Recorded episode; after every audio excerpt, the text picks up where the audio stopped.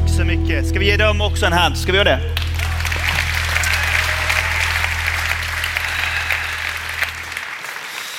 Varsågoda och sitt ner.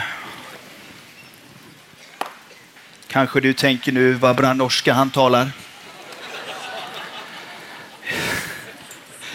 Jag försöker följa Paulus på det att jag ska göra allt jag kan för att försöka att vinna någon. Tack så mycket. Så jag ska försöka lägga om. Det är mycket enklare på engelska, svårare på danska, men jag ska försöka på svenska om det är bra för er. Är det bra? Tack igen för inbjudan till att få komma hit till Nyhemsveckan. Tusen tack eh, Daniel för det här inbjudandet till att komma hit. Jag känner ju många av pastorerna här och är så glad för att vi kan vara tillsammans. Inte bara på en sommarfestival eh, så här, men att vi också kan vara tillsammans genom året. Eh, vi jobbar mycket tillsammans med svensk pingst och norsk pingst och de andra nordiska länderna. Och vi är så glada att vi kan dela våra hemligheter med varandra. Och jag tänker så här Daniel, att du och jag skulle ta ett initiativ kanske för de norska langränslöpare. Att de ska dela sina hemligheter, de norska i alla fall, med er.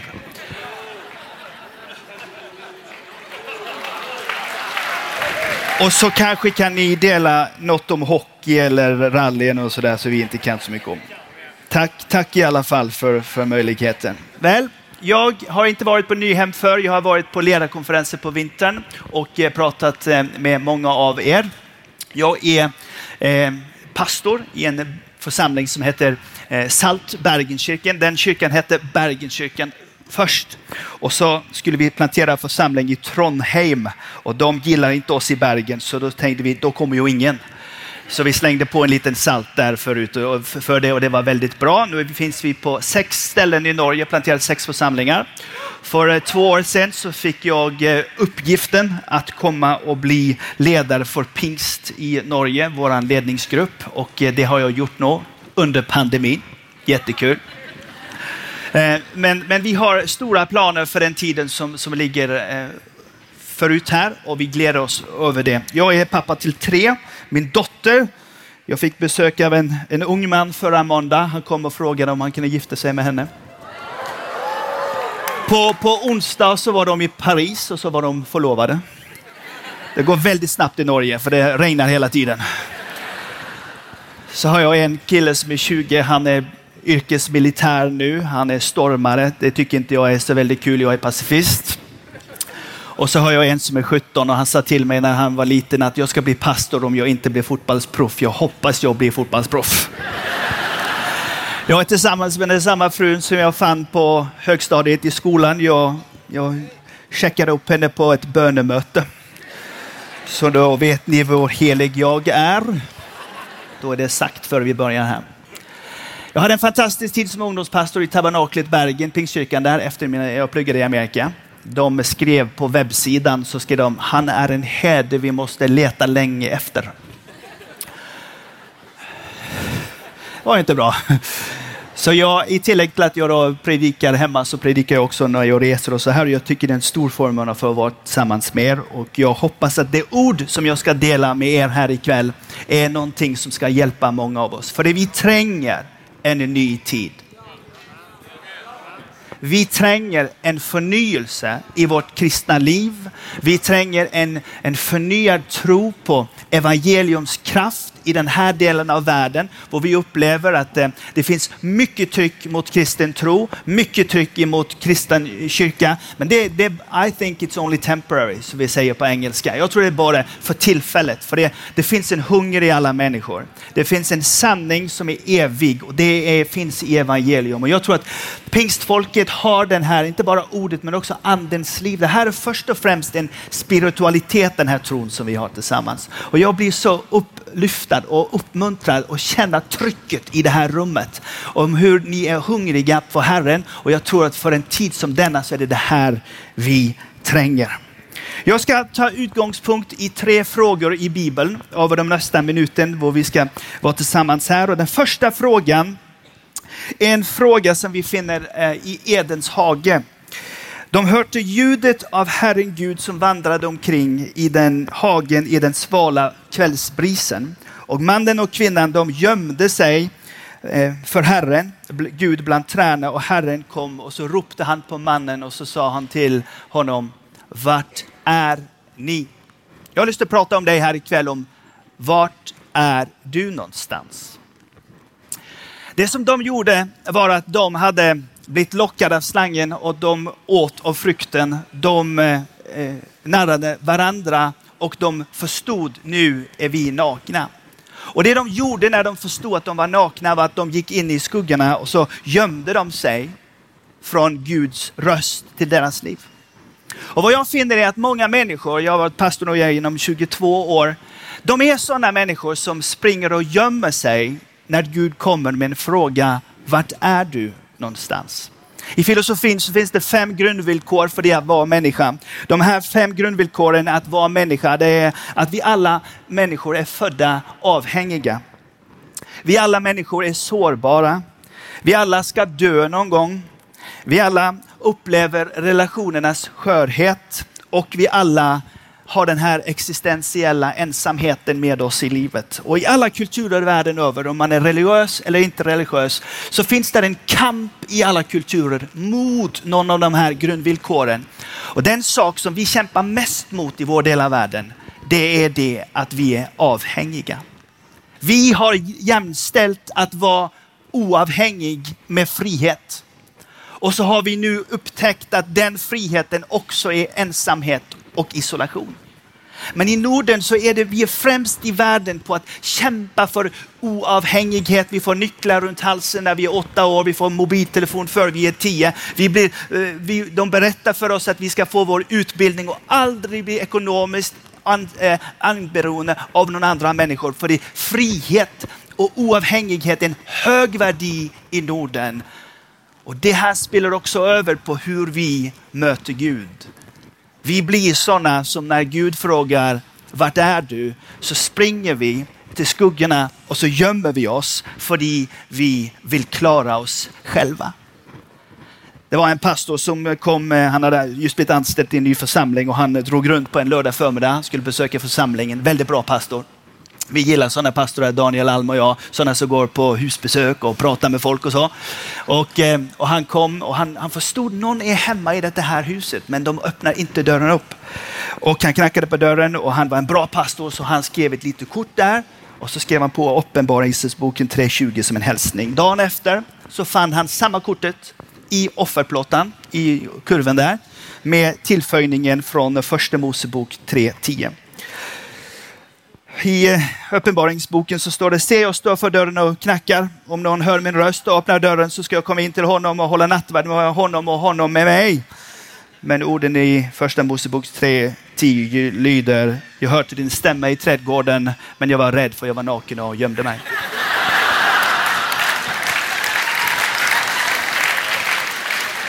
Alltså vi, vi, allt händer på en pingstpastors jobb. Vart är du? Den andra frågan som jag vill eh, fråga, det, den kommer från en annan plats i det gamla. Vår Elia har ett mirakel på Karmelfjället. Han är uppe på det stora berget och de, de dynker veden, äh, träet med, med vatten. Men det är han som kan kalla eld och de andra profeterna de blir avslöjade, men det är Gud som blir den Gud som ger eld. Men rakt efter det här händer så hotar de hans liv. Och eh, Elias springer ut i öknen och han gömmer sig under en busk. Och under den jubelbusken så säger han till Gud, Gud, nog är nog. Ta mitt liv. Jag är inte bättre än mina förfäder. Det är så med oss människor att någon gånger när livet händer med oss så kan vi ha varit upplärt att inte bli bittra, inte bli ledsna, inte bli sådana som träcker oss tillbaka och har en offermentalitet. Men någon omständigheter i livet, de är jättesvåra att hantera. Jag lärde en ting på 90-talet som jag inte tror på mer och det är att jag ska göra vad jag kan trots mina omständigheter. Nu säger jag, jag måste göra vad som helst i ljus av mina omständigheter, för livet händer med oss. Och någon gång så är det så med en pandemi, att vi hamnar i ensamhet, men också när livet går i sönder. Det med barnen inte blir som det ska och det med bolaget inte blir som det ska. Hälsan inte är som den ska och samlivet inte är som det ska. Så kan vi finna oss själv under den där busken med Elia och säga nog är nog. Men då frågar Gud, varför, varför är du här? Den tredje frågan är en fråga som kommer i Jesu avskedstal till hans lärjungar. Jesus säger till lärjungarna, dit jag går vet ni vägen. Thomas säger till honom, Herre, vi vet inte vart du går. Hur kan vi då vita vägen? Och Jesus säger, jag är vägen, sanningen och livet. Ingen kommer till Fadern om de inte kommer vid mig. Hur ska vi då veta vägen, säger Thomas. Och Thomas han är ju tvekaren, men alltså han tvekade en gång. va? Men, men han undrades, vart går vägen? Och Nyhem den här veckan så säger vi för en ny tid, för en tid som denna. Och jag känner som pastor och som kristen ledare och som pappa och som vanlig civil kristen. Vad nu Gud? Hur kan jag finna vägen härifrån och ut? Hur kan jag leda människor härifrån och ut? Och jag tror att nyckeln ligger i det som Jesus här säger. Han säger det finns en väg för alla på Nyhem. Han säger det finns en sanning som kan sätta oss fri. Det finns ett helt liv från noll till hundra för alla dem som ger sitt liv till Jesus. Men när allt det här händer så är det någon av oss som springer i skuggan och gömmer oss när Gud frågar, vart är du?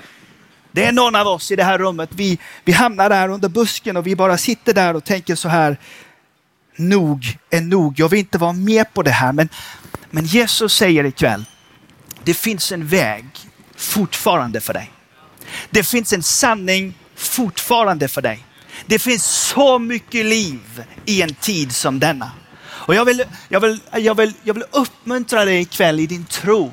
För jag tror att det är det som den helige Ande ska göra ikväll. Det är att han vill, han vill dra upp oss på vägen igen. Han vill dra upp oss i livet igen. Han vill dra upp oss i sanningen ikväll. Och jag ska hänga det jag ska säga de nästa minuterna på de tre sanningarna. Livet, vägen och sanningen. Och vi ska börja med det som handlar om livet. Livet. Jag älskar frikyrklighet och pingstförsamlingar och de säger till mig, de som är präster i den norska kyrkan, de är jättestora, men de säger till oss, ni är goda på att bygga gemenskaper.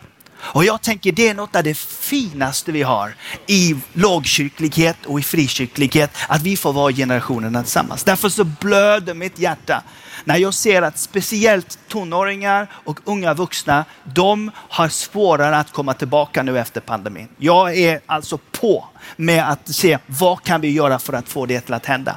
Men det är att förstå hur livsloppet fungerar, hur den ena fasen hänger ihop med den nästa fasen. Och den nästa fasen, det tror jag är smart för oss. Och nu ska jag dela med dig. Eh, någonting som en tänkare som heter Romano Guardini, han är en stor tänkare, han har katolsk identitet, och har ingenting med teologin att göra, men han delade livet in i åtta livsfaser och det här ger lite ljus till hur vi kan förstå vårt livslopp. Första fas, det är eh, in i mammas mage. Och eh, den tiden i mammas mage är en fantastisk tid. Va? Man släpper att betala på bussen. Man släpper att, man släpper att, att skäka själv. Mamma tar hand om det där. Man får vara i svimpoolen hela tiden.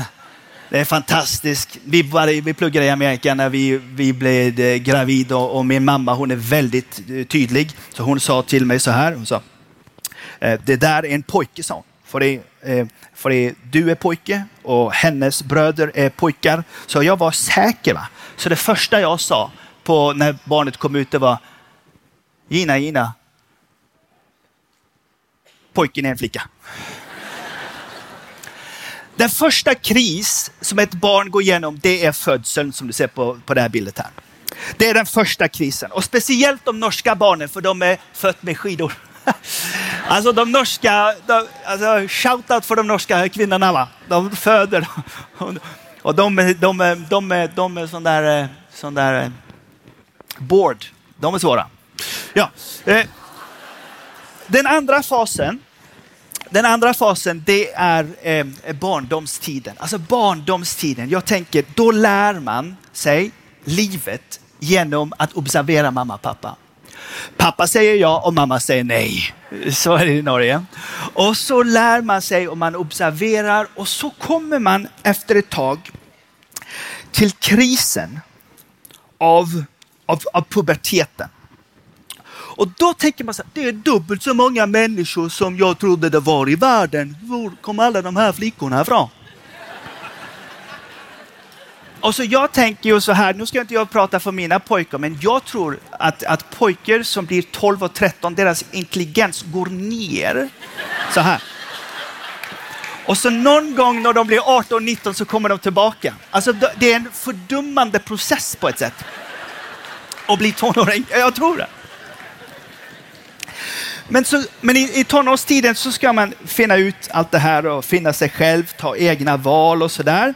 Och så, och så går man över från den tiden in i sena eh, eh tonåren och tidigt 20-åren. Och, och det som är speciellt i, i 20-åren är att allt är möjligt. Har du pratat med någon som har pluggat ett år på universitetet förut? Alla svar i hela världen är kristallklara. Va? Och ungdomspolitiker, när de håller på, va? ungdomspolitiker i Norge i alla fall, de gröna. Jag är för att kämpa för klimat och sådär, men jag tycker det är väl mycket när alla träna i skogen ska få en kram för de lägger sig på kvällen. Alltså det finns, ungdomspolitiker kan komma på de, de, de vansinnigaste idéer. Va? Och så kommer moderpartiet och säger att vi tycker det var ett väldigt charmerande, men lugna ner er. Allt är möjligt när man är ung. Va? Vart ska ni på sommarteam i helgen? Vi ska åka till Berlin. Vad händer där? Herren har talat om för oss att alla ska bli frälsta. Hur långt tar det då? Denna helgen, på en dag kan Jerusalem. Alltså, allt är möjligt när man är ung. Men nu händer det någonting på slutet av, av, av den tiden. Det är som i bilden här. Idealismen krockar in i realismen. Får du upp den nästa bild? där? Idealismen krockar in i idealismen. Alltså, allt det som var ideellt förut, det blir reellt då. Research, eh, undersökningar visar att konfirmationstiden som vi har här i Norden, 14-15 års ålder, upp till ungefär 18, då är vi på det mest religiösa i vårt liv. Men vi är på det lägsta när vi är 29. Där Norska kyrkan tappar mest folk, det är mellan 28 och 32. Mellan 28 och 32 så är det som om idealismen får, alltså den där, den där Volvon, den startar inte. Min, min bästefar köpte den i 84, jag trodde den skulle fungera. De där barnen som jag trodde skulle vara, de är väldigt snälla på Instagram.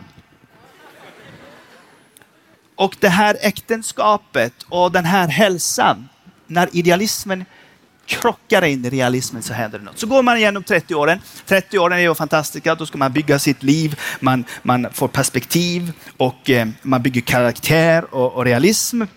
Och så händer det någonting.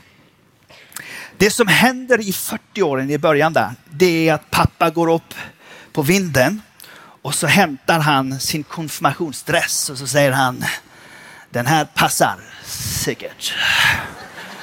Det är då pappa också förstår att jag ska åka skidor som Nordtug i Norge. Och då blir det ungefär som så det här. Alltså allt det som är nu i det förflutna där, i förtiden, det ska man hämta tillbaka. Nu ska jag dansa ballett. Nu ska jag, nu ska jag realisera mig själv. Nu ska jag... För det finns en kris i mitt i livet kanske speciellt i västvärlden, så finns den krisen där och den är reell i våra liv. Så går vi över i nästa fas. Det är upp till vi är 60 år. Då får vi perspektiv och egenskap. Men då händer också någonting som drabbar oss i frikyrkligheten väldigt mycket faktiskt. Det är det att det plötsligen så kommer en ny stil på musiken. Va? Och eh, och, eh, och det är inte längre Andrew Crouch och, och gungande bevägelser som om vi var i Bronx. Va? Vi är, ja, det var bra när vi slutade ögonen på 90-talet, men ny musikstil kommer och så jobbar man på Kartverket och så kommer det en ny som har pluggat i Lund och han, han har doktorgrad i kartor. Och du har jobbat där i 40 år och du kan gå på fredag klockan två och åka till din stuga. Men nu kommer han och han har väldigt tränga jeans och väldigt mycket fett i håret och han tar över ditt jobb. Va? Och i äldstekåren så är det plötsligt någon annan som ska... Krisen av att släppa taget. Krisen av att släppa taget är väldigt känslig för oss. För den krisen den gör att nu kanske inte de ringer med till mig. Nu ska inte jag signera på det pappret längre. Nu är det inte jag som de frågar efter. Så går man över till nästa period. Perioden var när man är i ålderdomen, man förbereder sig för den sista. Man, man, jag gillar äldre människor som, som, som smilar och är glada. Det tycker jag är fantastiskt. Åh, vad jag gillar profeten Joel som säger att fäderna och annars hjärta ska vändas till barnen. Och kan vi inte bara vara bäst på det inom pingst i Norden? Att vi bara, vi bara släpper när vi ska släppa och vi ger det vidare när vi ska ge det vidare och så är vi glada för de som kommer efter.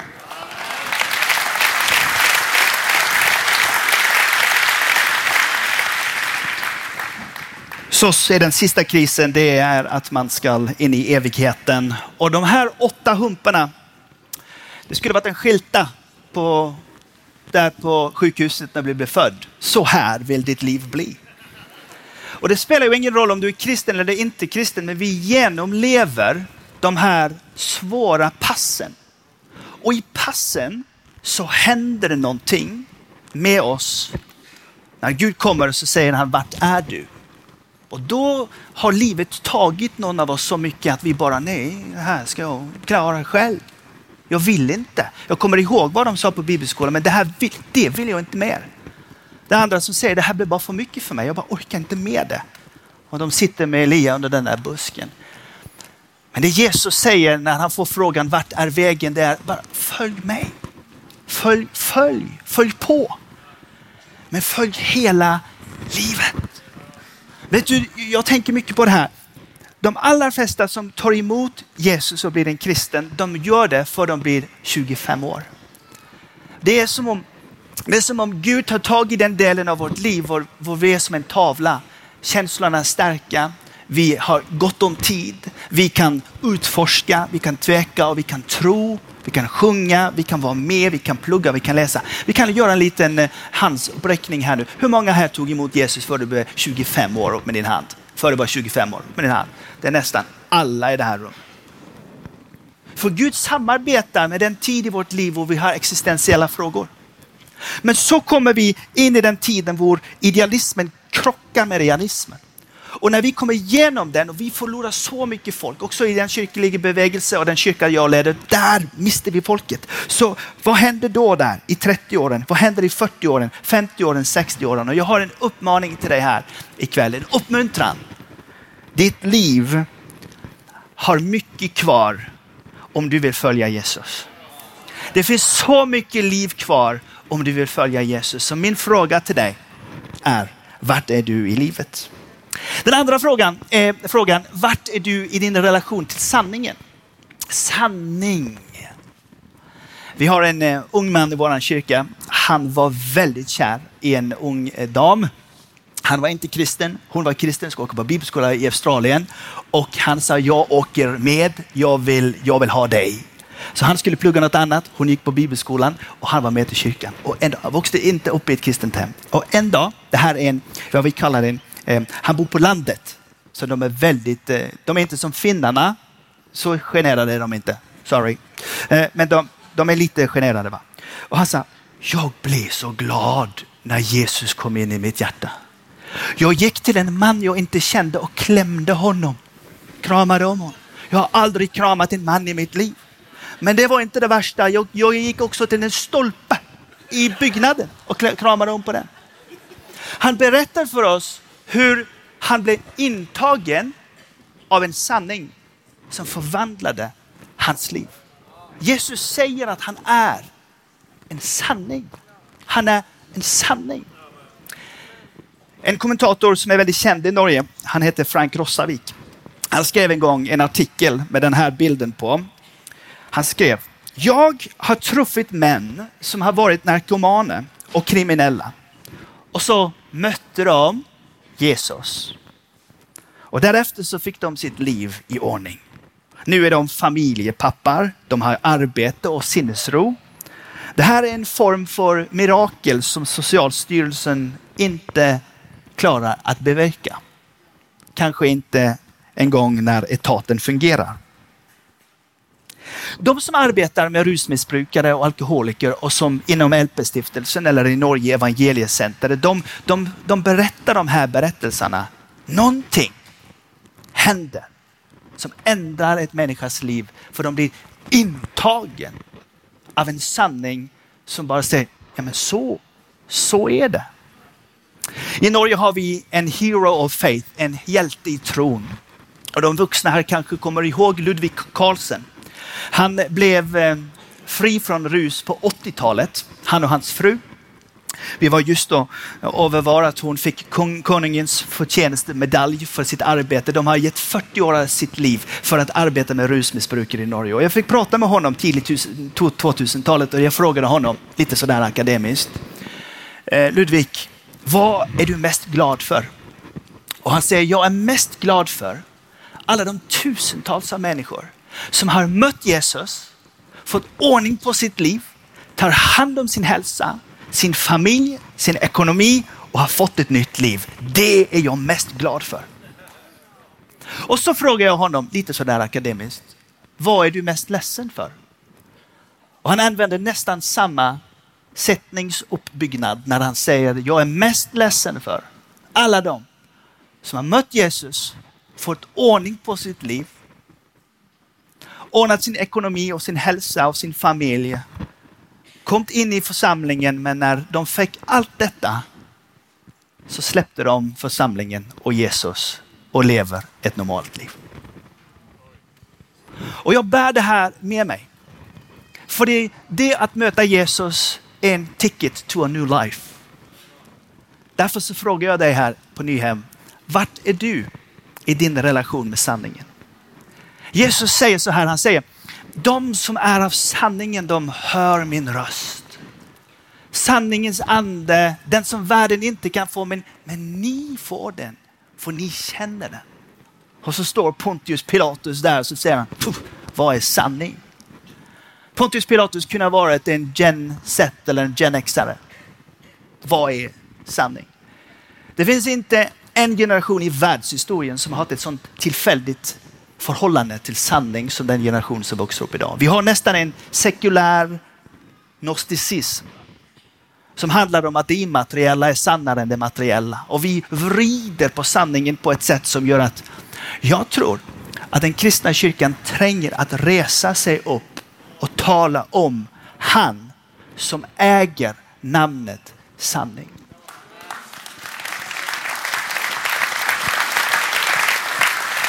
För Jesus säger jag, jag är sanningen. Jag var och undervisade på en, på en bibelskola eh, och jag frågade dem, vad är den största utmaningen för er för att nå er generation för Jesus och, och bygga församling? Och vet du vad de sa? De sa den största utmaningen är podcast. För folk lyssnar bara på sina favoritpredikanter och sina favoritbudskap. De går inte till kyrkan mer, de lyssnar bara på det de gillar. Och vad händer då om det är så att det är bara det som stryker oss den riktiga vägen som vi vill höra på? Men vad med de förmanande orden, de orden som ska hjälpa oss att omvända oss? De som ska korrigera och justera våra liv. Vi tränger inte att shoppa det vi tränger, men vi tränger att ödmjuka oss för att Herrens ord kan tala till oss. Det är en relevant fråga i vår digitala världen. Vem leder vem? Därför så tränger vi församlingens liv, vi tränger ordets sanning och vi tränger andens sanning. Jesus säger i Johannes 14, där som ni älskar mig så håller ni mina bud. Och jag vill be Fadern och han ska ge er en annan Eh, hjälpare och han ska vara hos er för alltid. Sanningens ande. Världen kan inte ta emot honom för världen ser honom inte, känner honom inte. Men ni känner han för han förblir i er och han ska vara i er. Min fråga är, vad gör du när Gud frågar, vart är du i förhållande till hans sanning? Springer du in i skuggan och gömmer dig? Eller är du beredd för att komma ut i ljuset och säga, men jag, din sanning, ditt ljus är lyktan för min fot. Ditt ord är sanning för mitt liv. När Gud kommer och talar om sin sanning in i dina omständigheter och du sitter där under busken med Elia, för livet har varit orättvist med dig. Jag tar inte det från dig. Men jag säger att Herren frågar varför är du där? Du kan komma upp på vägen. Du kan komma in i ljuset igen, komma in i hans sanning och leva med honom. Vart är du på vägen? Min sista punkt. Det är inte avslutningen, men det är en varning för att avslutningen kommer om ett litet tag. Man ska aldrig säga nu är jag snart färdig när man inte är färdig. Då, då, då blir, får man aldrig komma tillbaka. Man måste varna om att om ett litet tag är jag färdig, men det här är den tredje av tre punkt. Konklusionen kommer efter. Slappna av. Vart är du på vägen? I mitt jobb så träffar jag människor i alla åldrar och jag var just med pensionärerna i pingst och hade konferens förra veckan. Jag, jag såg plötsligt vad, vad svart hår jag har. för, för klädskoden var grey. Ja. Så, så är det. Jag gillar att vara med, med äldre människor och sådär. Och, och en ting som jag tänker på när jag pratar med de som är gott vuxna, jag kallar dem de vuxna. Det är att när de berättar sitt vittnesbörd, sin berättelse om vad Gud har gjort i deras liv. Så kan det ha hänt i 67 eller 85 eller 94. Men de berättar som om det just hände. Och det är någonting med vittnesbördet och Guds ingripande i våra liv. Det är som om det inte handlar om tid längre. Det är som om det är en peak experience som eh, Abraham Maslow, psykologen, säger. Att våra liv har någon sån där hö höjdare. Det finns höjdare i vårt trosliv och det är de höjdarna som vi kommer ihåg. Men en ting som jag också ser när jag pratar med de vuxna är att någon av dem är lite ledsna när de berättar sitt vittnesbörd.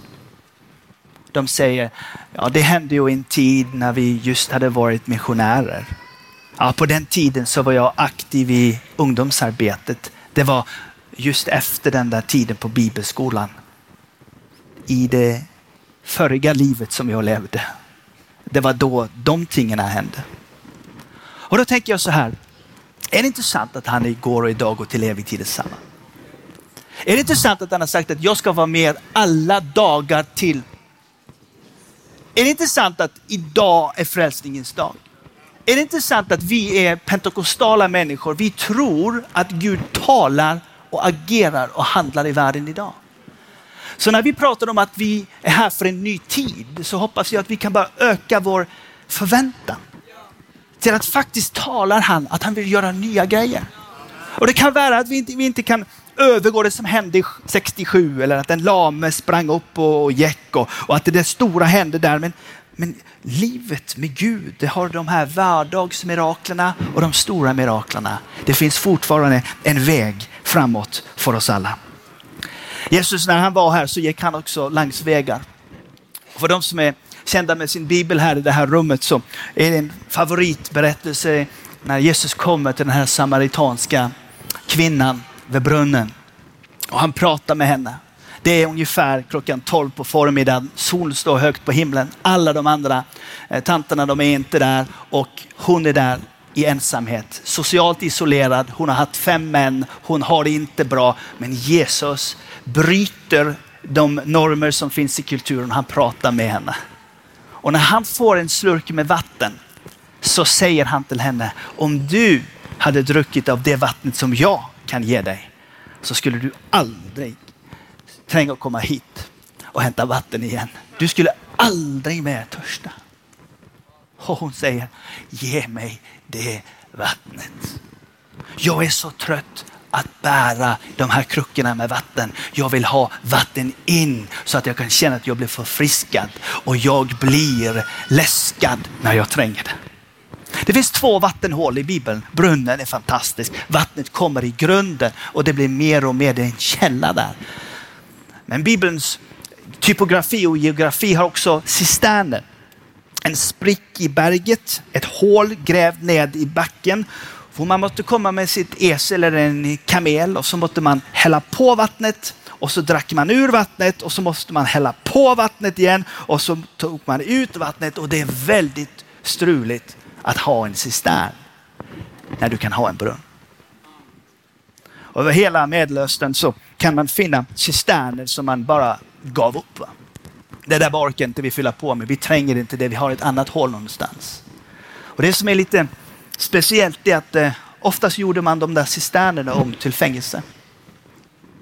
Man stoppade ner tjuven och så fick han sitta sin tid där. Och då tänker jag på alla dem i vår rörelse i Norge och de som jag har lett i vår församling. Alla de som har, ja nu har jag varit på tre alfakurs. Jag har varit så mycket i Israel, jag är full av Jaffa-apelsiner.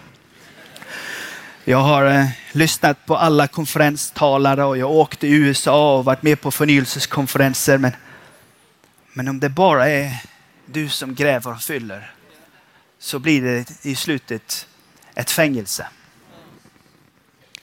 Men det som Jesus säger att det finns, det finns vatten att dricka som gör att du inte tränger att bli törstig igen. Det finns heliga ande som kan fylla på så vi kan känna att vet du vad, det här förfräskar mitt liv. Och jag är 46 och jag har varit där, men jag gillar här. Och jag kallar dig ut här. Jag kallar dig ut här ikväll för när Herren pekar på detta så kan du springa in i skuggorna så kan du säga nej, jag är utbildad, jag, det här klarar jag själv, jag, jag, jag är upplärd att fixa. Jag klarar det. Men Herren säger, vart är du? Bara kom ut i ljuset. Varför sitter du här? Det är väl, du kan bara komma ut i ljuset.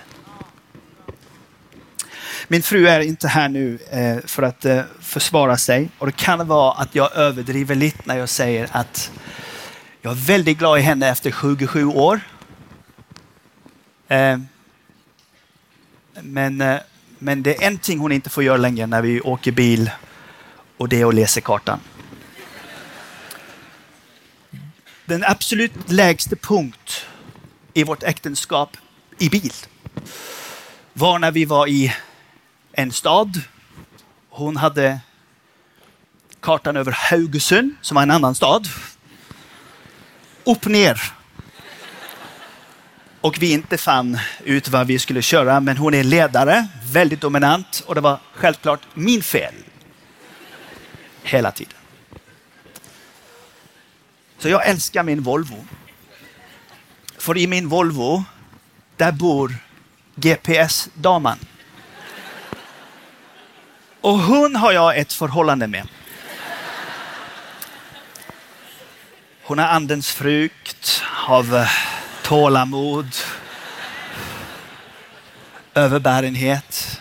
Och det som är så fantastiskt med GPS-damen är att jag kan bestämma hennes dialekt och då väljer jag ofta svenska. Jag tycker det är fantastiskt. Sån där stor... ja, ja, ja.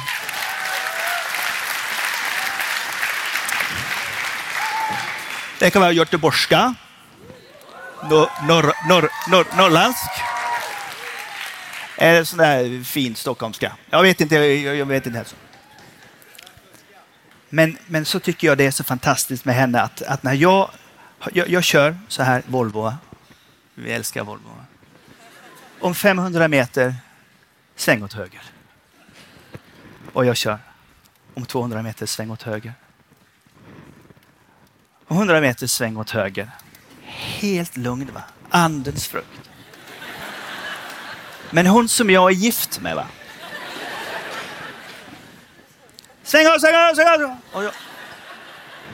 Men hon, full av anden. Och någon gång så, så åker jag bara förbi. va? Och jag bara, bara åker förbi, jag, bara, jag, jag svänger lite. Och vet du vad hon säger då? Hon säger så här. Jag beregnar en ny ruta åt dig. Jag beregnar en ny ruta. Det är det den heliga ande gör. För en ny tid. Han beräknar en ny väg. Han ger oss ett nytt perspektiv på våran liv.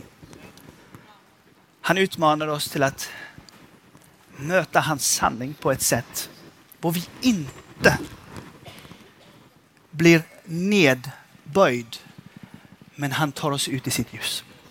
Han frågar oss, kan inte du bara komma ut här nu? Ska vi stå upp tillsammans? Och så låter vi den helige ande tala i det här rummet nu. Jag ska inte hålla på väldigt länge här nu, men jag tror att den heliga ande önskar att göra någonting. Och jag är så glad för att vi Eh, syskon i det här rummet. Och du som inte är troende här, du ska, jag ska alldeles strax fråga dig om, om du skulle vilja med, vara med i en kristen bön här. Men, men jag tror att Herren talar just nu. För det han vill så gärna att vi ska upp på vägen. In i sanningen och känna hela livet. Åh, vad fantastiskt det är att gå på den här vägen. Va? Jag till vår kyrka igår, ny undersökning mellan 1995 och 2019. 150 000 unga kvinnor och barn, äh, kvinnor och män i Norge. Sedan 2010 en dramatisk knäck i negativ riktning för psykisk ohälsa i Norge. Samma år som första nätbrettet kom, samma år som Instagram kom. 44 procent av unga tjejer i Norge har psykisk ohälsa och känner sig depressiva. Något har flyttat in i våra hem i de grejerna. Det blir en annan predikan. Men det finns så många alternativa sanningar som inte är bra för oss. Men det finns en sanning som är bra för oss. Och hans namn är Jesus. Och han vill ha oss upp på den här vägen. Han vill ha oss in i den här sanningen. Och det som händer då, det är att då kan vi stå här om vi är 98, 72 eller 64 eller 50 eller 30 eller 25 eller 18 så kan vi stå här och säga, ja men jag har upptäckt ett annat liv. Jag har upptäckt ett annat liv. Bästa reklam för Jesus i Norden är de som följer honom. Så kan vi sluta våra ögon i det här auditoriet just nu och så frågar jag dig. Jag ska inte dra dig fram på den här frågan men jag vill så gärna utmana dig att göra en liten bevägelse bara för din egen skull. Alla ögonen slutar. Visst du är en av dem som, som gömmer dig i skuggorna. Visst du känner dig igen i det att klara själv och du ikväll är redo att kapitulera och säga, ja men den muskeln ska jag inte använda i min relation med Gud längre. Ikväll släpper jag det. Ikväll säger jag, jag kommer ut i ljuset. Och så låter du anden och ordet vägleda dig. Med alla ögonen sluta här nu så kan du bara just nu lyfta din hand upp snabbt där du står. Jag ser händer över hela rummet. Var lite modiga nu. Du bara, det här, någonting händer nu och nu kan du ta din hand ner igen och nu ber jag för dig. Fader, jag ber i namnet Jesus Kristus. För alla de här som du ikväll har frågat, vart är du? Och som ett ödmjukt hjärta i denna ögonblick säger, vi kommer dig i möte heligande. Vi kommer ut i ljuset. Vi säger ja till att gå slik du har kallat oss att gå. Tack Jesus. Med alla ögonen slutna så, så spör jag dig. Om du sitter med Elia, jag tar inte bort din smärta. Jag, jag gör inte den liten. Jag säger inte att du har fel. Det är reellt sånt som du kände det. Men Herren frågar dig ikväll, varför är du här?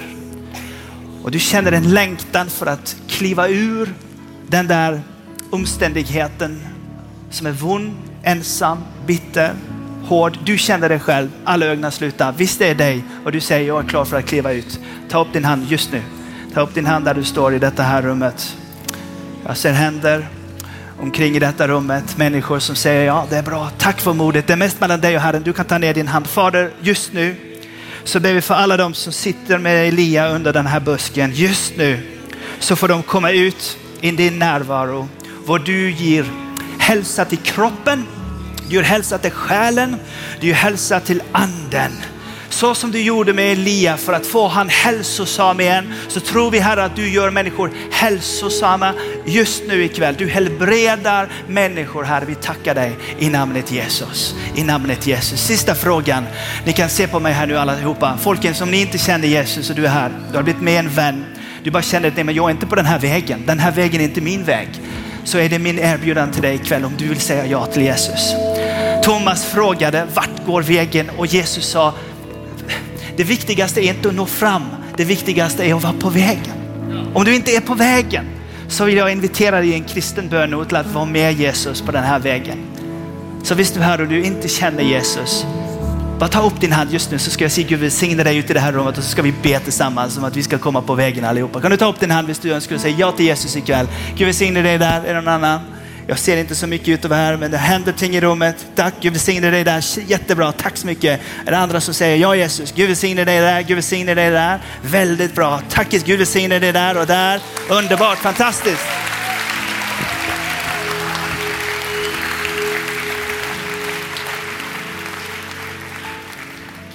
Be efter mig. Kära Jesus. Tack att du kom till världen. För att rädda människor. För att rädda mig. Jesus, jag tar emot din förlåtelse. Och jag väljer att kalla mig din. Tack Jesus att du tar emot mig. Låt oss ge Jesus en hand till.